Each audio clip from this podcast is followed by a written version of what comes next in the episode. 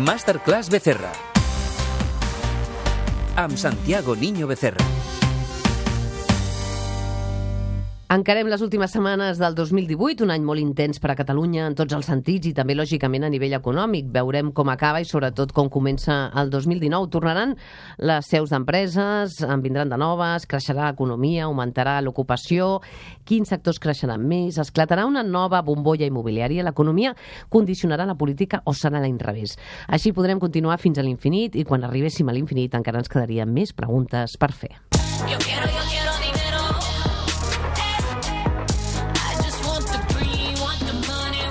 Bona nit, Santiago Niño Becerra. Què tal? Bona nit, bona nit. Li agrada aquesta cançó de la Jennifer López? Mm, Sí, està molt bé. Està, a més, jo quiero es presta, es presta, es presta, sí, es presta. El per, no- cert, per cert, no sé si, si saps, al món sobren diners. Sobren diners? Sí, tant. Sobren diners, però molts diners sobren al món. El problema és que els diners estan concentrats. I mal repartits. Ah, Això ho dius perquè un dia amb el, amb el Santiago parlàvem eh, de les empreses tecnològiques que parlem a Revolució 4.0, que ja sabeu que aconsegueixen rondes d'inversió de 50, 60 milions d'euros. Jo li deia, escolta, com és que hi ha tanta inversió, no?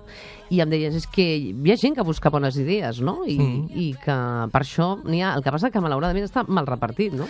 Busquen bones idees, eh, sobren diners i, per altra banda, evidentment, eh, s'ha d'estar disposat a córrer un risc. Eh, T'explicaré una cosa. Mm, em van comentar el cas d'una empresa de capital risc als Estats Units farà un parell d'anys que de cada 10 projectes en els que invertia, en nous li, li sortien rana per dia, en nou. Un, un li anava bé, i el que li anava bé era exponencial Guanya- i guanyava... una rendibilitat mínima del 1.000%. 1.000%. Sí. Per tant, li sortia a compte. Sí. Bé, eh, parlem de diners perquè jo vull parlar del preu de l'electricitat. Una dada que segur tots els oients noten a la seva butxaca, tots notem, el preu que paguem per l'electricitat no para de pujar. Per què cada vegada és més cara? Eh, ens queda una mica cara de tontos cada dia. Què passa? A veure, quan a, les, a la persona li arriba la factura, mm, quan a, a les famílies arriba la factura mm, del que han de pagar d'electricitat, més o menys, més o menys, d'aquella quantitat final que paguen, Mm. el 20%, només el 20% és el preu de l'electricitat real. Només el 20%, eh? La resta són tasses, impostos, mm, complements, eh, recàrrecs, eh, etc etc etc. Eh, pensem que amb aquell import mm, final de la factura d'electricitat potser hi han 25 conceptes diferents. En la benzina passa una cosa semblant. Quan una persona va omplir el dipòsit, el 55% són impostos. La, la, resta, la resta són eh, eh, la resta són recàrrecs ai, eh, el cost real de la, del, del petroli, no? de, la, de la benzina. Eh, amb això que, que vull dir? Amb això vull dir de que mm, amb el, en l'Estat està a la mà de l'Estat està baixar o que baixa el preu de l'energia elèctrica. Clar, perquè Europa, em pregunto, l'energia elèctrica cada vegada també és més cara? O passa aquí a l'estat espanyol? O és una tendència general que passa a tots els països europeus? En relació amb el PIB per càpita, a Europa, mm, en relació al PIB per càpita, eh, el país que té l'energia més cara és Espanya. Per què? Quan, quan nosaltres encenem la llum o engeguem la tele o posem en marxa la rentadora, comencen a consumir-se quilowatts. Mm. Llavors, eh, el, el quilowatt no només té una font, el quilowatt té moltes fonts, no? Té, pot ser un quilowatt eòlic, pot ser hidro hidroelèctric, pot, ser, eh, pot venir d'una central de gas, pot venir d'una central nuclear, pot venir d'una central tèrmica. Lla- Llavors, eh, tot això, evidentment, es barreja eh, i les companyies elèctriques subministren aquests, aquests quilowatts. Eh, què és el que passa? Que això és pervers, eh? ara, em, di, ara em diràs, això és pervers. Mm, què ha passat? Eh, eh, el que passa és que el preu de referència sempre s'agafa al de la font més cara. Espanya arrossega una, un, un, una cosa que es diu el dèficit tarifario, eh, que és un, un tema que ve del govern d'Aznar, eh, que eh, llisca els 22.000 milions d'euros que hem de pagar tots els consumidors. I això ens ho van carregant cada, cada mes.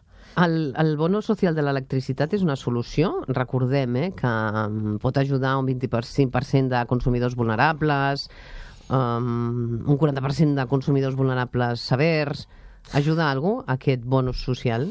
A veure, mm, eh, ajuda des d'un punt de vista redistributiu, mm, en el sentit de que les persones que tenen una renta més baixa eh, puguin, puguin assolir un, un preu del quilowatt més baix. Ara, no és la solució definitiva. La solució definitiva passaria per canviar aquest mix elèctric, per fer inversions, eh, per canviar l'estructura del, de la factura... Més etcètera, energia solar hauríem de tenir, també, a l'estat espanyol, no? Sí, eh, el que passa és que bueno, mm, eh, eh, el, el govern del senyor Mariano Rajoy va treure el, el, les subvencions eh, que tenia les, la producció d'energia solar. A més, tenim el tema del famoso impuesto al sol, eh, que això també redueix la capacitat d'autogeneració pròpia de cada família o de cada persona. És a dir, és a dir el bono social, pues, pues sí, però evidentment no és la solució.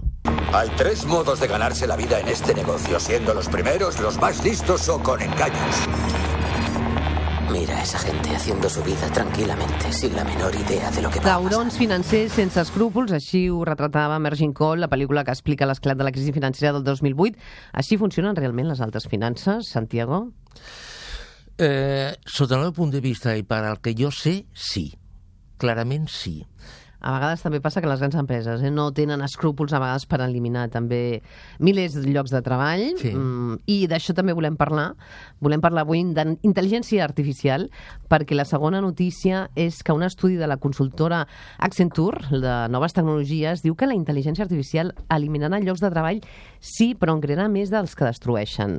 Em sembla que tu no hi estàs molt d'acord, no, Santiago? en absolut. A, dir, a veure, eh, és veritat que hi ha informes que diuen de que, mm, el que diu aquest informe d'Accenture, però hi ha mm, 10 vegades més d'informes que diuen tot el contrari. És a dir, hi ha un... mm, Tu has parlat aquest d'Accenture, jo ara parlaré un de la Universitat d'Oxford. La Universitat d'Oxford ha fet un estudi que apunta que als Estats Units, eh, amb, el, amb un horitzó del 2035-2040, la meitat dels llocs de treball poden desaparèixer. Però se'n crearan de nous, també diuen, eh? Se'n crearan de nous, però, però no amb la proporció aquesta. És a dir, eh, la que es proporció... destruiran més de que els que, que, se- Sí, que de, crearan. de cada sis que es destruiran es crea un. De cada sis que es destruïen es crea un. Sí. Eh, a veure, eh, i a més amb una característica, la, la persona o aquell lloc de treball serà un lloc de treball, el que es crearà, eh, em refereixo, molt específic, d'alta qualificació, eh, molt especialitzat, etc etc. Tu ets- partidari que aquesta intel·ligència artificial entri tant en la nostra vida o és, no? és inevitable. És inevitable. És absolutament inevitable. Les teves classes a la universitat les farà un robot? Eh, També. no, a veure... Ah, clar, no, tindria moltes dades, eh? Com tu en saps molt. No, no, no, Però no, un no, robot... No, no, no, és que les classes, les classes quan, quan això arribi, les classes ja no les farà ningú. Eh, és a dir, les classes seran d'una altra manera. Mm, eh, de fet, ara ja cada vegada més, aquí no tant, però mm, cada vegada més, Estats Units, Europa, eh, lo important és saber eh, eh, fer una cosa, eh, no demostrar eh, com la cosa l'has après a fer. Davant d'aquesta intel·ligència artificial, què hem de fer? A veure, el Jeremy Rifkin eh, ha fet una estimació que apunta a que en algun moment del segle XXI, per generar tot el producte interior brut mundial, només caldrà el 5% de la població. Molt bé, per cert, eh, seguiu-lo sobretot també a la xarxa de Twitter, Santiago Niño Becerra, sempre fa bones recomanacions. Gràcies, una abraçada. Bona nit.